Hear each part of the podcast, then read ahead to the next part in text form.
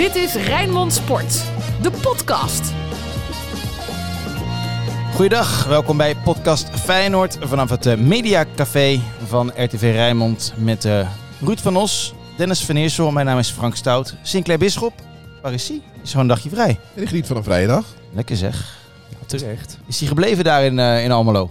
Nee, dat niet. Hij is wel terug. Uh, hij zat naast me althans toen we naar uh, Rotterdam terugreden. Dus hij moet, hij moet in het Rotterdamse. Lekker onbeperkt eten bij uh, Preston Palace, of is dat niet meer? Ik zou het niet dat weten. is toch een Almelo? Ik dat zit in Almelo. Jij ja. kent die zaak ja. allemaal. Ja, ja, nee, als het onbeperkt en veel is. Zo'n all-inclusive hotel is dat toch? Ik dat ben is geweest. nooit geweest. Vroeger volgens mij ook. Was het niet van Jan Smit van, uh, van Heracles? Het zou zomaar kunnen. Wat zijn jullie slecht voorbereid op deze podcast? Nou ja, uh, jij noemt ons nog steeds RTV Rijnmond, terwijl we al twee jaar geen uh, RTV meer gebruiken. Dus ik zou daarin terughoudend zijn hoor. Oh, is dat het? Oh ja, ja en nu zeker, want Ruud is natuurlijk de grote baas hier. Dus, uh, ach ja, hey, uh, het was wel lekker dat Feyenoord weer heeft gewonnen op de dag van de marathon. En dat ja, gebeurt heel vaak. Dat is een mooie Rotterdamse traditie hè, die, uh, die Feyenoord in stand aan het, uh, aan het houden is. Daar zag het in de eerste minuut even niet naar uit. Maar uiteindelijk uh, gewoon een terechte en duidelijke overwinning voor Feyenoord. Ja toch, gaan we het lekker over hebben. Rood, wit, bloed, zweet. Geen woorden maar daden. Alles over Feyenoord. En het was toch wel een knap herstel na die 3-3 tegen Praag. Nou, ik wilde even zeggen, uh, als, als wij zeggen dat Feyenoord altijd wint op de dag dat de marathon is, dan is het nog knapper. Want Feyenoord speelt op de dag van de marathon namelijk altijd uit. Ja. Speelt ja. nooit thuis, dat kan niet, want de Kuip is dan een onderdeel van het parcours van de marathon. Dus Feyenoord moet altijd uitspelen op de dag van de marathon. En jij zegt dus dat het inderdaad zo is dat ze Nou, dan vaak... Nou, wel vaak. vaak nee, vorige week hadden we het over Cambuur en PSV. Kan ik herinneren? Ja, Ja, nou, dat is knap dan, dat is knap. Ook wel eens naar Waalwijk gegaan. Nou, dat is toch goed? Ja. Maar, dan, maar, maar dan, zit je, dan zit je gisteren uh, in het, uh, hoe heet het stadion tegenwoordig? Geen Erve- Polman. Uh, Erve Acito. Acito. Erve Acito. ah, nou, dat zijn jullie dan wel weer goed voorbereid. Um, wij en dan wordt het, na de, wordt het na 30 seconden 1-0. En dan denk je, ja, dit wordt weer zo'n middag. Dat was wel de gedachte toen, ja, omdat het best wel makkelijk ging hè, over, die, um, over die linkerkant. Hoe Trauner zich daar liet, uh, liet omspelen. Um, en daarna dat schot dan door Bakis nog uh, verlengd wordt. En daarna nog wat hachelijke momenten. Maar ja, uiteindelijk nam Feyenoord het heft wel weer in handen. Ik vond dat Kuksu echt een speler was die opstond. Uh, liet zich veel inzakken, eiste veel ballen op. Dus niet alleen dat hij dan de 1-1 maakt, maar gewoon over hoe hij in dat veld stond. Ja, er stond echt een man in plaats van een... een jongetje. Dus dat uh, ja, compliment voor hem. Ja, toen, toen het na 45 minuten natuurlijk 1-0 was. En na 45 minuten? Vijf, sorry, 45 seconden. Uh, wat ik toen dacht, en natuurlijk omdat de wedstrijd uiteindelijk gewonnen is, laat je die gedachte ook weer varen. Maar nu we het er weer over hebben, komt dat wel weer terug. Wat is er met Trauner aan de hand? Want dit foutje, dit, dit is hem gewoon drie kwart jaar niet overkomen. Ja. Sinds zijn 30ste verjaardag. Sinds zijn 30ste verjaardag. ja. In zijn twintiger ja, jaren. Hij, hij, zit nu gewoon in een mindere fase, toch? Daar, daar zeg ik toch niks geks mee? Nee, nee. Ja. Hij, hij, is gewoon niet zo snel. Daar, daar wil hij aan gaan werken. Ja, maar dat was hij een half jaar geleden ook niet. En nee, toen maar, speelde hij fantastische wedstrijden. Ja, kan misschien ook wel omdat hij dat toen minder in zo'n situatie uh, terecht kwam. Ik weet het niet. Nee, ja, kijk, Senesi heeft natuurlijk in dit seizoen ook een, een dip gehad. En zo zijn er meer spelers. Ja, nu is het dan misschien Trauner waarbij dat dan, dat dan even is. En uh, die kenden we natuurlijk nog minder goed. Want Senesi speelt al wat langer bij Feyenoord dan, dan hij het doet. Dus dit is de eerste keer dat we bij Trauner uh, even zulke fases uh, zien. Ik denk dat dat ook wel weer... Weer wegtrekt. Want die kwaliteiten die we van hem hebben gezien, juist omdat dat met, met heel veel spelinzicht en het lezen van situaties te Ja. maken had, ja, dat, dat gaat niet opeens weg zijn. Dus uh, nou ja, een mindere beurt, een zwakke start moet zeggen. Daarna heeft hij zich ook wel hersteld gisteren, toch? Ja, Dus ja, ja. fout Maar, op maar, fout maar, staat. maar, maar zo'n zo'n foutje ja, kan heel kostbaar zijn. Komende donderdag kan, maar dat geldt ook voor, uh, voor andere fouten die in de tweede helft bijv- bijvoorbeeld gemaakt werden. Toen, werd het, toen stond het 1-3. Maar toen ging het bij Verlagen ging het wel mis op een manier waarbij ik dacht, ja, als je dat donderdag doet, op die manier balverlies leiden, terwijl er de nodige spelers al, al voor de bal zijn. Ja, donderdag heb je een tegenstander die het wel afstaat. Nu Daar heb je- gaan we het nu- zo over nu hebben, Heb je, Dennis. nu heb je Bilal die daar eh, staat. Eh, donderdag staat er iemand anders. Ja, maar daar hebben we het zo over. Nog even terug naar die chef. wedstrijd. Ja, ja, sorry. eh, ja, maar eh, ze, ze, een beetje met een beetje geluk op gelijk eh, komen. Hè? Want ja, een keeper met de naam Bukker vind ik nou niet echt... ja, Koen Bukker. Nou ja, hij bukte wel bij die 1-1 van, Ja. van, van Kuksu. En daarna begon het te lopen. Maar nou, balletje op de paal nog natuurlijk van Sinisterra ook. uiteindelijk een, een degelijke en terechte overwinning. Helemaal niets op aan te, af te dingen. Nee, dat was, dat was toch goed? Ja, weet je, wat, weet je wat mooi is met eh eh Reece Nelson? Die scoort de 1-2. Heeft de assist bij, eh bij Kuksu met, met die mooie vooractie.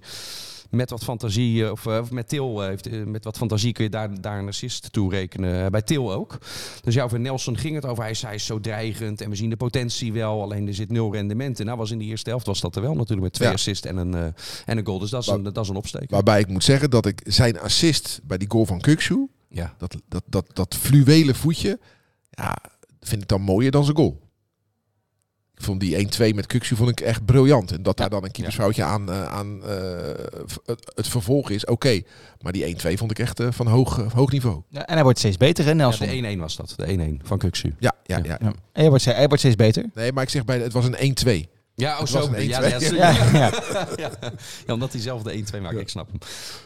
Nee, ik kan hem al voor de derde keer zeggen nu. hij wordt is- steeds beter.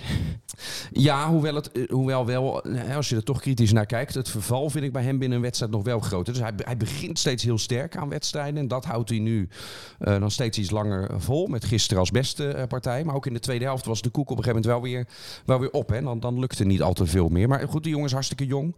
Talentvol. ehm, maakt stappen. Dat zien we nu ook al in de laatste paar wedstrijden.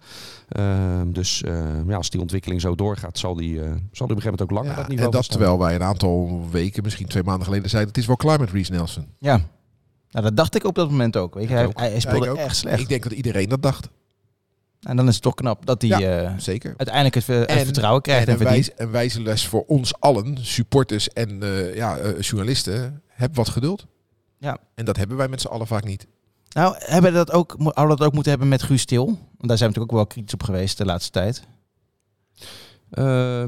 Ja, maar kijk alleen al naar zijn eh, hoeveelheid goals. En ik weet het Ja. merendeel is in de eerste seizoen zelf het gevallen. Een aanvallende middenvelder van Feyenoord die, eh, die op 15 goals nu, eh, Ja. nu staat. Ja. Dat, dat zijn er niet zoveel geweest in de laatste 10, 15 Nee, jaar. alleen op basis van die 15 kan je hem er al niet. Ja.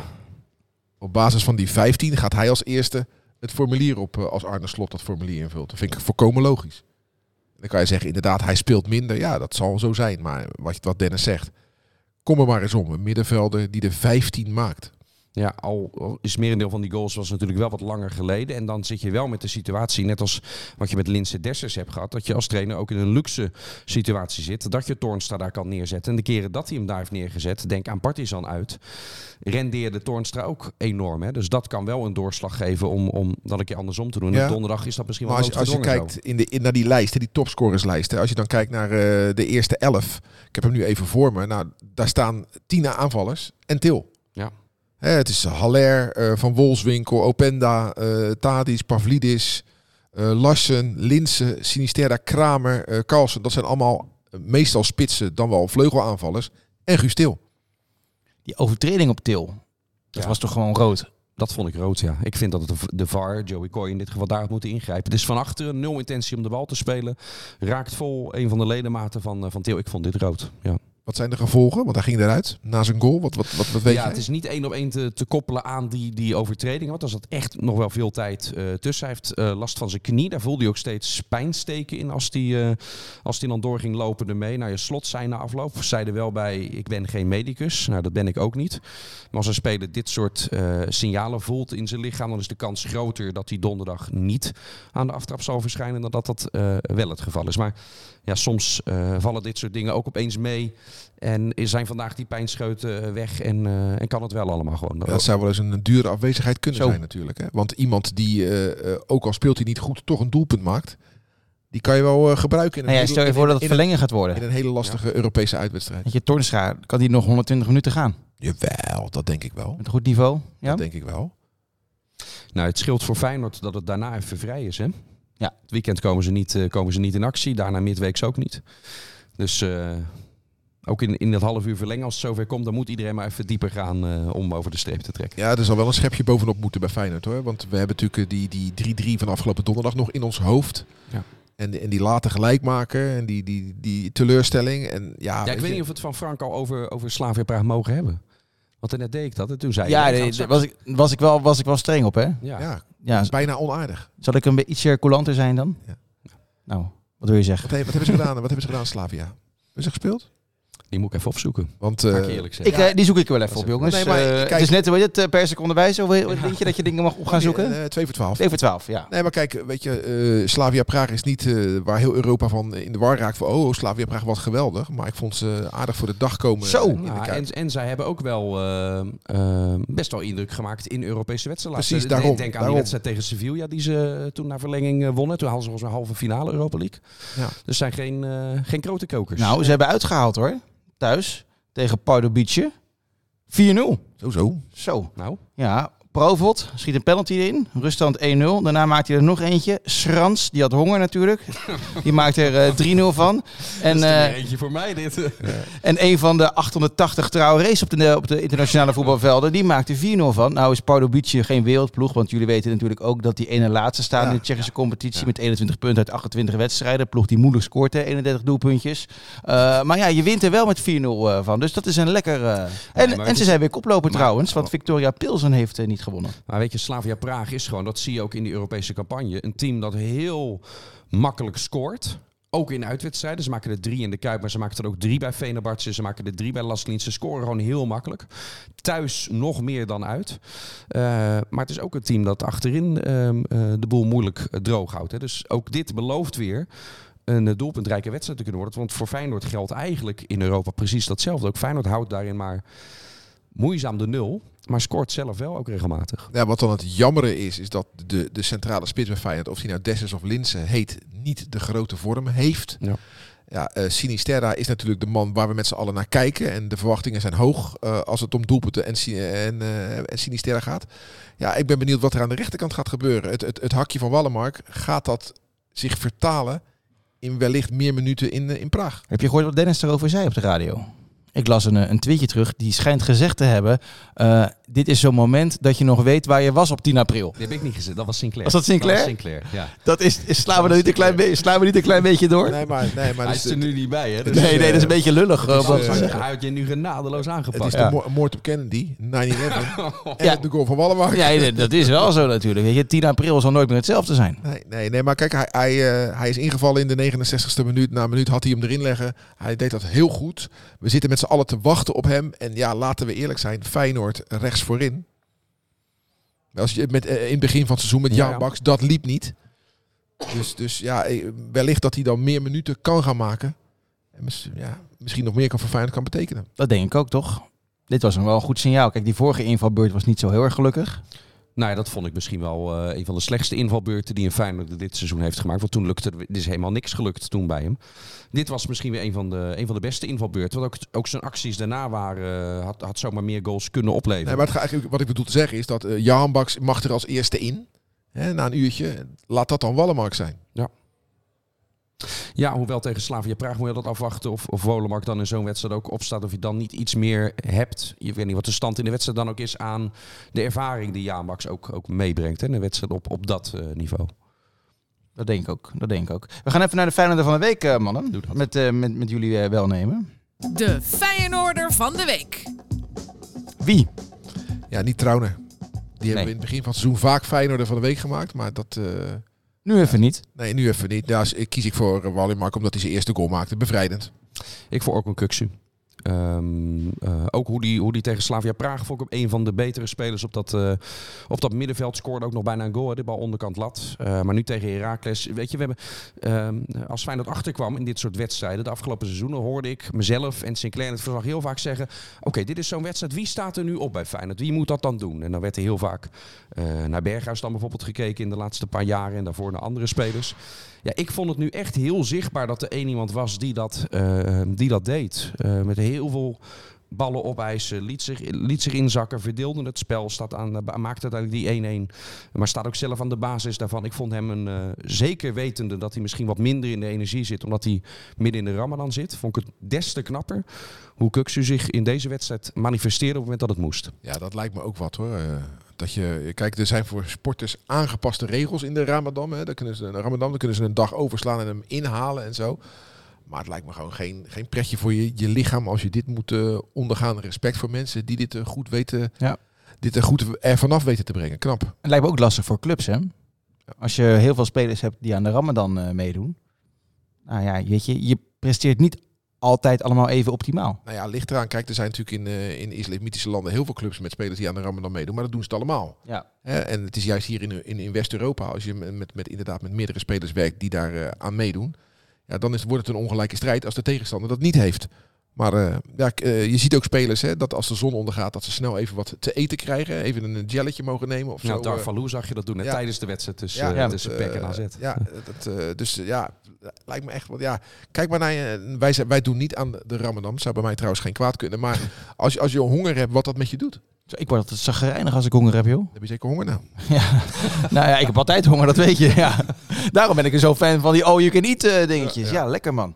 Nee, maar ja, dat is wel zo. En wat ik me af- afvroeg, hè, is het eigenlijk al bekend, of misschien heb ik het wel gewoon gemist, waarom Kuxu nou zo emotioneel werd na die wedstrijd tegen Slavia thuis? Nee, ja, ik heb nog wel na, nagevraagd gedaan van... Hey, speelt er iets in, in de familie, iets in de privésfeer... waardoor hij ehm, eh, dan emotioneel raakte. Ik kreeg terug dat dat niet het geval is. Dus ik denk toch gewoon, omdat hij toen dacht... dat hij eh, op zo'n Europese avond de winnende goal net had gemaakt... sfeer in het stadion. Eh, en dan misschien inderdaad... ook dat als je weinig eet, kun je ook emotioneler door, eh, of prikkelbaarder eh, zijn. En Ruud zegt chagrijnig. Het uitzicht bij iedereen op een andere manier. En misschien eh, speelde dat ook Als je heel met, moe met bent ook, hè? Weet je, even, even heel kort over de marathon. Na 34 kilometer bij de marathon heb je van die grote schermen. Door de sponsor is dat gedaan. En dan kunnen mensen hun boodschapje inspreken om de renner aan te moedigen. Want dat is een loodzwaar stukje, dat laatste. Kom je net uit het Kralingse Bos. En dan hebben heel vaak, zie je dan kinderen die dan hun papa of mama aanmoedigen. Nou, de helft begint te janken. En ik dacht bij mezelf, als ik hem ooit zou gaan lopen, ik ga ook janken. Ja. Ruud is ook een emotioneel mannetje. Ja, ja, ja. Jij, jij zou ook gaan? Jij? Maar jij gaat hem niet lopen, toch? Jij vindt het op de motor altijd al. eh, Ja, ja, ja. Nee, jij nee. het al zwaar. Een halve lijkt me wel lekker. jij, jij volgt hem op de motor, dan kom je terug op de redactie, dan komt hij puffend binnen. Dan denk je, Frank, je hebt hem niet gelopen. Oh, je ik zit had- op die motor. Ik had bijna aan mijn reet, jongen. Ja, Acht en een half uur lang Dus op een motor zitten, dat vond ik jij wel gaat hem zwaar. niet- Jij gaat hem niet lopen. Nee, dat lijkt me ook niet. Eh, wat me wel eh, opviel gisteren bij de marathon is, eh, kijk, als Feyenoord speelt, dan om half drie of om kwart over twaalf, dan komen lopers over de finish en daar sta ik dan namens Rijnmond altijd. En dan wordt 80.000 keer maar gevraagd, dat Feyenoord? Ja, echt. en dat vind ik hartstikke leuk. Maar het, het aantal Feyenoord shirts bleef wat achter. Jij was minder, hè? Ja, ik heb minder Feyenoord Vond shirts ik ook. gezien. eh, en eh, normaal zie je, e- even kijken, als je, als je het over tien hebt, zie je, weet ik het, drie Sparta shirts en zeven Feyenoord shirts. Dus in die verhouding. En nu had ik echt eh, een beetje meer 50-50 verdeling. Zo, Ik, voor mijn gevoel zag ik meer Sparta shirts dan anders. Jawel, Maar maar minder Feyenoord shirts. dat, dat, dat had ik ook. Ik heb één iemand met een Ajax-broekje gezien. Ja. Eh, trouwens. Ajax, Ajax shirt heb ik ook gezien. Oh nee, nee, dat niet. Maar eh, die, nee, liep, dat... die liep voorop Zuid heel hard. Schijnt achterna Ja. gezeten te wezen. ja. Nee, dat klopt inderdaad. Ja. Verder, ja, ja, Arjen Robben gezien, maar geen Feyenoord-voetballers. hè? Arjen Robben, die liep niet in een voetbalshirt trouwens. Die liep in een, in een grijs handsop. In een hempie. in een hempie. Ja. Ja, ja, ja. En hij heeft hem gewoon blessurevrij af kunnen maken. Ja, ja, ja. Oh, flauw hè, dit. Hè. Dit is de lach voor de hand. Hè. Dit- Oh, nou ja, ja. ja maar wel ja. mooi, zo'n zo, zo'n oud topvoetbal. Ja, en hij vond het mooi dat hij door iedereen werd aangemoedigd. En normaal gesproken, als dan eh, iemand die bij een rivaliserende club heeft gespeeld, eh, door, door Rotterdam loopt, misschien op het, over de koopgroot, die wordt nog wel eens eh, negatief bejubeld. Maar ook Arjen Robben werd gewoon door iedereen aangemoedigd. Dat vond ik wel tof. Ja, maar ik denk dat Robben, ook als PSV dan is. in de Kuip kwam, dat die niet echt het publiek ook tegen zich had. Nee, nee, nee. Nee, maar kijk, eh, ik, ik denk, dit is een hele andere dynamiek. Ook dat. Er staan geen hooligans langs die lijn. Er staan Nee. gewoon mensen. En als daar, ja, weet ik het, een, zelfs als zou er een oudspeler van... Stel dat eh, Frank de Boer meegedaan had. Dat is een oudspeler van Ajax. Die hadden ze ook aangemoedigd. Ja, maar ik denk Kijk, als, dus, eh, al- als Anthony op zijn krukken die marathon nu gaat lopen, dan... eh, Anthony, Berghuis, Tadic. dat ligt een beetje gevoelig, ligt, denk ligt ik. wat anders, inderdaad. Maar, eh, of die scheidsrechter van afgelopen donderdag. Maar, maar ja, ik, eh, ja, er is gewoon respect. Want eh, Robben gaf ook aan ja, dat een, een, een marathon uitlopen toch wel een van de zwaarste dingen was die hij ooit heeft gedaan. Ja, 3 uur 13 hè, Arjen Robben. Dat is echt een goede tijd. Netjes. Debutant. Echt, ja, dat is hartstikke goed. Hey Dennis, jij bent eh, de journalist in Nederland die misschien wat best is ingevoerd in, eh, in Feyenoord City. Eh, Jan van Merwijk, ben je daar ook een beetje van op de hoogte hoe dat zit? Want die zou gaan vertrekken als directeur van Stadion Feyenoord. Ja, ik hoor die geruchten ook. Ik heb dat niet bevestigd eh, eh, kunnen krijgen. Ehm, ja, weet je, als echt eh, het, het, doek definitief valt, ehm, ehm, voor Feyenoord City als, als geheel. Uh, ja, hij heeft wel een beetje al, al eerder zijn lot eraan verbonden. En sowieso hij heeft het een keer in een interview zelf gezegd. Als Feyenoord City niet doorgaat, dan moet ik gewoon opstappen. Ja, of als dat hele nieuwbouwplan er niet komt. Nou, de, uh, um, er werd al gecommuniceerd voor het weekend. Uh, nou, Chris Woerts riep van hey, het rapport is al klaar. Waarbij die, die drie resterende opties worden bekeken. Um, alleen dat, dat, dat was dan een eerste versie. Dat rapport is wel weer teruggestuurd. Dus ook niet zo dat er deze week al een een, persmoment zal worden belegd over, uh, over hoe het nu verder gaat. Dat was allemaal iets, iets voorbarig. Maar ja, weet je, het laatste wat ik erover heb geschreven, ruim een week geleden, um, met de omstandigheden in de bouwwereld op dit moment, ook nog eens met de oorlog in Oekraïne. Ja, eigenlijk zijn alle drie de plannen, denk ik, financieel niet uitvoerbaar op, uh, op dit moment. Uh, maar nieuwbouw nog wel het minste ervan. Dus ja, en als dat inderdaad echt, als iedereen er nu een keer mee klaar is en het ketst helemaal af dan heeft dat ook gevolgen voor, uh, voor hoe Van, van Merwijk erin staat. Maar daar is die zelf aan de voorkant altijd al duidelijk over geweest. Ja, het Twitter-account 1908.nl die schrijft dus inderdaad dat de wegen tussen Jan van Merwijk en Stadion Feyenoord op korte termijn zullen gaan scheiden. En dat er al een vervanger klaar staat. Ja, we, ja, alleen we weten niet wie. Maar zo gek is het toch niet dat er aan zijn positie wordt getwijfeld. Als je ziet hoe die Kuip wordt verloederd. En daar is hij toch de eindverantwoordelijke voor? Uh, daar is hij als directeur eh, inderdaad een van de eindverantwoordelijken voor. Er is ook een raad van commissarissen. Er zijn ook aandeelhouders. Die hebben er met z'n allebei gezeten en naar gekeken hoor. Kijk, als één iemand dit zou veroorzaken, zijnde Jan van Merwijk. Eh, dan zijn er toch nog twintig anderen die daaromheen zitten die zeggen gaan we niet doen. Jawel, maar je kan ze moeilijk allemaal wegsturen natuurlijk. Nee, nee, nee, nee. Maar het gaat erom, uh, ik vind het te makkelijk dat alle pijlen nu naar hem gaan als het over de verloedering van de Kuip gaat. Want wat ik zeg, er is een raad van commissarissen, er zijn aandeelhouders. Er zijn toch vergaderingen waarin je dat, dit te sprake kan brengen? Er zijn toch commissarissen die, die, die, die, dit kunnen maar zo, tegenhouden. Maar zo werkt het toch ook dus, met name in de voetballerij? Ja, maar Jan van Merwijk is toch niet de dictator van de Kuip? Nee, dat is de directeur van de Kuip. Tuurlijk, dat is een, een eindverantwoordelijke. Maar er zitten genoeg mensen omheen die als hij iets had gedaan waar zij het niet mee eens zijn, gewoon aan de bel kunnen, hadden kunnen trekken. En dat is niet gebeurd. Ruud heeft gelijk hoor, want er zit een RVC boven, dat is een controlerend orgaan. En um, als je beleidsmatige keuzes maakt van hé, hey, we willen en we gaan vol koersen op nieuwbouw met de financiële risico's van dien, die waren aan de voorkant bekend. Ja, als dat dan uiteindelijk mislukt, uh, dan draagt niet alleen de directeur uh, de, de consequenties van zo'n uh, van zo'n financiële Wat zouden dan de consequenties moeten zijn voor ook zo'n RVC? Nou ja, kijk, als, als, um, en, en, en dat wordt dan. Um, dit dreigt gewoon een, een faillissement op dat moment voor Stadion Feyenoord. Ja, dan is. Als je dan niet bij een controlerend orgaan volgens ook aanklopt van. hé, hey, hoe hebben jullie. Wat is jullie rol daarin geweest aan, aan, aan de voorkant? Uh, wanneer, doe je het, wanneer doe je het dan wel? Waarmee ik dus niet zeg voor de duidelijkheid dat ze dus al failliet gaan. Want dat ben je pas als je niet meer aan je schuldenlast kan voldoen. Als je zelf niet meer aan je betalingsplichten uh, kan voldoen. Hè? Dus je bent pas failliet als het is uitgesproken. Maar het mag heel erg duidelijk zijn. Pak de jaarcijfers er nu al bij. Laat staan als dat stadion niet doorgaat. En de Goldman Sachs lening uh, uh, komt er overheen. ja, dan laat het zich wel uitrekenen. Dat die financiële situatie heel, heel slecht is. Nog één vraagje voordat we naar Slavia tegen Feyenoord gaan. Even een kleine voorbeschouwing erop. Waaraan moet een goede stadiondirecteur voldoen? Poeh. Ja, vind ik lastig. Je moet financieel een beetje onderlegd zijn, denk ik. Lijkt me wel. Lijkt me wel. Bouwkundig misschien ook wel een beetje. Handig als het een klein beetje een Feyenoord gevoel heeft. Uh, ja, ja, ja dat, dat wordt altijd heel snel gezegd bij clubs. Hè. De man moet wel het gevoel met de club hebben waar hij voor gaat werken. Ja, dat begrijp ik. Maar als het een kanjer is en hij heeft dat clubgevoel niet, vind ik het ook niet zo heel, uh, heel erg.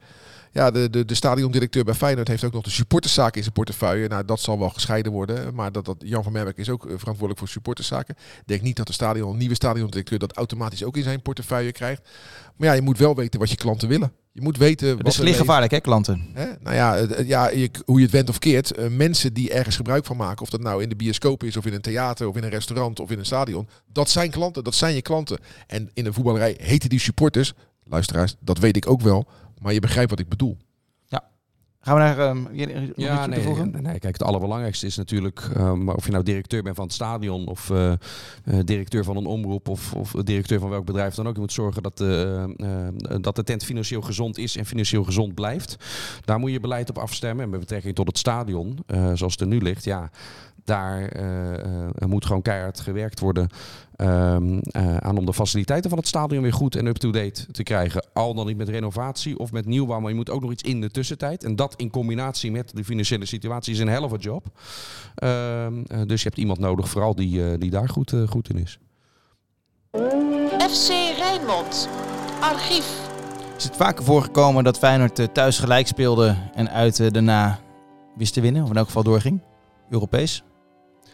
Is wel eens ook een nederlaag omgedraaid hè, tegen Kalmar volgens mij. Dat eh Feyenoord thuis verloor en toen alsnog doorging. Eh thuis gelijk spelen uitwinnen, ja, het zal vast... eh, Ja, ik overval jullie nog een beetje mee, Ja. dat weet ik. Ja, de, met, met de, de nieuwe regel qua uitdoelpunten eh, maakt het niet uit wat het resultaat wordt. Als het een gelijkspel is in, in Praag, dan wordt het sowieso verlengen. En dan, als het dan nog steeds gelijk staat, dan wordt het sowieso strafschoppen. Dus eh, ja, of dat de opdracht van Feyenoord makkelijker of moeilijker maakt, dat weet ik niet. Maar zomaar even winnen in, eh, in Praag, dat, dat, gaat, dat gaat niet meer gebeuren. Hoe zou het het makkelijker kunnen maken? Ja, nou ja, met, als je bijvoorbeeld, stel je, je, je speelt met 0-0 gelijk eh, in de Kuip en dan 1-1, was je vroeger was je, dan- zo was je dan bedoel door. het, Ja, ja. Dat bedoel ik. Ja. En dat is, dat is nu niet. Ja, nu ik, maakt dat, ik zie de, de situatie zoals die nu is na de 3-3. Ik vind het echt eh, een, een absoluut nadeel voor, eh, voor Feyenoord. Omdat was het 3-2 gebleven, dan had je op een gelijk spel kunnen spelen. Wist je zeker dat je door was. Nu, als het gelijk wordt, krijg je inderdaad een verlenging strafschop. Heb je nog steeds een kans om door te gaan. Maar die verlenging en die eventuele strafschoppen speel je wel in het stadion eh, van, eh, van, de, van de tegenstander. En niet in je eigen stadion. Dus dat vind ik in de situatie zoals die nu is, eh, met deze uitslag nog steeds een nadeel. Heb je er vertrouwen in? Ruud en ik namelijk eh, ietsje minder eh, bleek uit de redactievergadering eh, vanmorgen. ja, ja ik, ik, ik, ik, ik verbaas me erover. Kijk, het is hoop. En de voetballerij bestaat voor een groot deel, eh, voor een groot deel uit hoop. Maar ik, ik verbaas me erover. Over het gemak waarmee in, in Feyenoord kringen Ja. de, de naam Tirana iedere keer voorbij komt. Ik denk, nou, nou, nou, nou, nou. Ho even. Je moet nog naar Praag. Je moet dan waarschijnlijk naar Marseille. Ja, het is wel ook, moet ik zeggen, een beetje een gebbetje. Want ik was in die eerste ronde in, in Kosovo erbij. En toen hadden eh, twee supporters als ludieke actie hadden ze zo'n spandoek al, al bij zich. De Road to Tirana. En ik zat op het terrasje bij ze. Die geloofden er niet serieus in. Hoor. Nee, Dat was nee, echt, Nee, maar dat is nu een eigen leven gaan leiden. Vorige week, is nog, eh, vorige week nog een heel groot artikel van Bart Vlietsra in de, in de Volkskrant eh, daarover. Ja, dat kan. Maar onder Feyenoord supporters is die, die hoogmoed is er niet, niet echt. Er is wel heel veel hoop. En, en dat lonkt nu niet in die kwartfinale staat. Maar het is niet dat men... eh, sterker nog, ik hoor eh, eh, in, in het journaal hoor ik dat mensen denken... Oh, Slavia Praag, dat gaat Feyenoord wel doen. Maar bij supporters is daar, eh, is daar echt wel wat sceptisch ook, Nou, eh, goed zo, goed zo. ook over. En bij, mij, en bij mijzelf ook. Want op voorhand vond ik het al 50-50. In de poolfase was eigenlijk na de loting... vond het merendeel dat Slavia Praag toch wel de favoriet was in de poolfase. Nou, dat is dan nu een beetje omgeslagen. Maar stel het is gelijkwaardig. Dat is na de 3-3 voor mij. Is dat zeker niet meer zo. Voor mij is, als je statistisch kijkt, is Slavia Praag nu de favoriet om door te gaan. Door dat ene late doelpunt. Het zou gewoon heel knap en heel mooi zijn als Feyenoord eh, doorgaat. Want dan hebben ze het goed gedaan in Praag. En Ja. moet je heel blij zijn. En dan ga je de volgende tegenstander, wat waarschijnlijk Marseille is, gewoon weer per tegenstander benaderen. Ja. En pas daarna het woord Tirana gebruiken, Kijk, waar de het, is, finale het, is, wordt het is ook niet uitgesloten eh, natuurlijk. Hè, omdat Slavia Praag krijgt ook heel veel, eh, eh, heel veel tegengoals. Dat laten ze heel deze campagne al zien. Feyenoord is een ploeg die makkelijk scoort. Feyenoord komt in Europese uitwedstrijden goed voor de dag. In Praag met 10 man. In Berlijn vond ik, eh, vond ik Feyenoord goed. Nou, in Belgrado helemaal natuurlijk. Dus ja, het, is, het ligt zo dicht bij elkaar, deze twee ploegen. Dat hebben we nu al drie keer gezien. Het is ook één rode kaart of één penalty moment Ja. kan, eh, kan straks de doorslag eh, geven. Dessus of Linsen? Wat ik denk of wat ik wil. Allebei. Ik denk dat hij voor, eh voor Linsen gaat. Ik eh, eh, zou met Dessen starten. Ruud? Hij moet volgens mij met Linsen starten. Want hoe is de grootste waarde van Dessus dit seizoen gebleken, ook in Europese uitwedstrijden? Voornamelijk als invaller. Wanneer gaan we, Dennis? Wij eh, gaan woensdag richting Praag. Hoe laat? Ik heb geen idee, namelijk jij hebt het geboekt. ja. We vliegen rond het middaguur, eh, Frank. Oké, en dan is er dan een persconferentie eh, aan het eind van de middag. Ja, rond 6 uur, half 7 waarschijnlijk. Dan nog eh, een laatste training van Feyenoord in dat stadion. Kunnen we zien of Til, hoe, hoe die erbij loopt. Onder andere. En andere spelers zelf. Geertruida bijvoorbeeld aanhaakt. Dus dat gaan we ook allemaal ophalen. Ja. En heel veel, heel veel sfeer in die, in die stad. Maar dan kijk ik ook, ook jou. Ja, zeker. Ik zal, ik zal daar woensdag aan de na, in de namiddag al, al zijn. Dan weet ik al waar, waar de meesten zitten. In die Ierse pub daar. Kijk, als je Feyenoord een warm hart toe, toedraagt, dan moet je sowieso Rijnmond volgen. Maar helemaal als ze Europees op pad gaan. Dus eh, woensdag, donderdag, tv, radio en natuurlijk online en social media. Ja, als je dat een beetje checkt van Rijnmond, En dan eh, één- mis je helemaal niets. Een heel belangrijk punt over die wedstrijd. En ik hoop dat alle supporters dat inmiddels dus in de oren hebben geknoopt. Want ze zijn goed weggekomen dat er nu fans in Praag bij zijn. En iedereen ervaart dat niet helemaal. Ze denken, oh, dat zou allemaal wel hebben meegevallen. Dat Feyenoord al dichtbij zo'n uitsluiting van het publiek was. En het was echt niet zo. Feyenoord is echt door het oog van de naald gekropen daar in, uh, in België. Omdat het dan een fakkel was die eerst vanuit het Partizan publiek kwam en dan later weer teruggegooid. Maar als het nu hetzelfde gaat zoals de vorige keer in Praag. En dat vond ik eigenlijk nog meevallen. Maar kun je nagaan als dat het, hetzelfde is dan heb je gewoon een halve finale zonder, uh, zonder uitpubliek. Dus ik ja, hoop dat iedereen... Je bedoelt, je bedoelt dan de uitwedstrijd van Feyenoord? Ja, de uitwedstrijd in de halve finale mag Feyenoord dan uh, geen supporters ja. als het gaat zoals het vorige keer in Praag was. In ieder geval dreigde de UEFA het mee. Ik zou die dreiging uh, serieus nemen. Want het zou toch doodzonde zijn als je een halve finale zonder het legioen moet, moet afwerken. Ja, oftewel, gebruik je verstand. Hou Rijmond in de gaten. Dat gaat meestal vaak samen namelijk ook. ook. Ook in die stad, hè? want we hebben vorige keer gezien... Nou, de, de, de rubberkogeltjes worden Ja, die was er met één fakkel afsteken. Eén fakkeltje om vier uur en het was al gelijk raak. Ja. Dus doe even normaal allemaal. Maak er gewoon een groot feest van. En dat is eigenlijk ook gewoon gebeurd in eh, die andere Europese steden. Dus eh, daar, daar hebben we alle vertrouwen in. Hou Rijmond in de gaten voor het allerlaatste Feyenoord nieuws en de ontwikkelingen vanuit Praag. Bedankt voor het luisteren. We zijn er. Oh, heb je- Mag ik er nog iets doorverwijzen? Want we hebben toch nog een podcast staan. Zeker. Oh ja, inderdaad.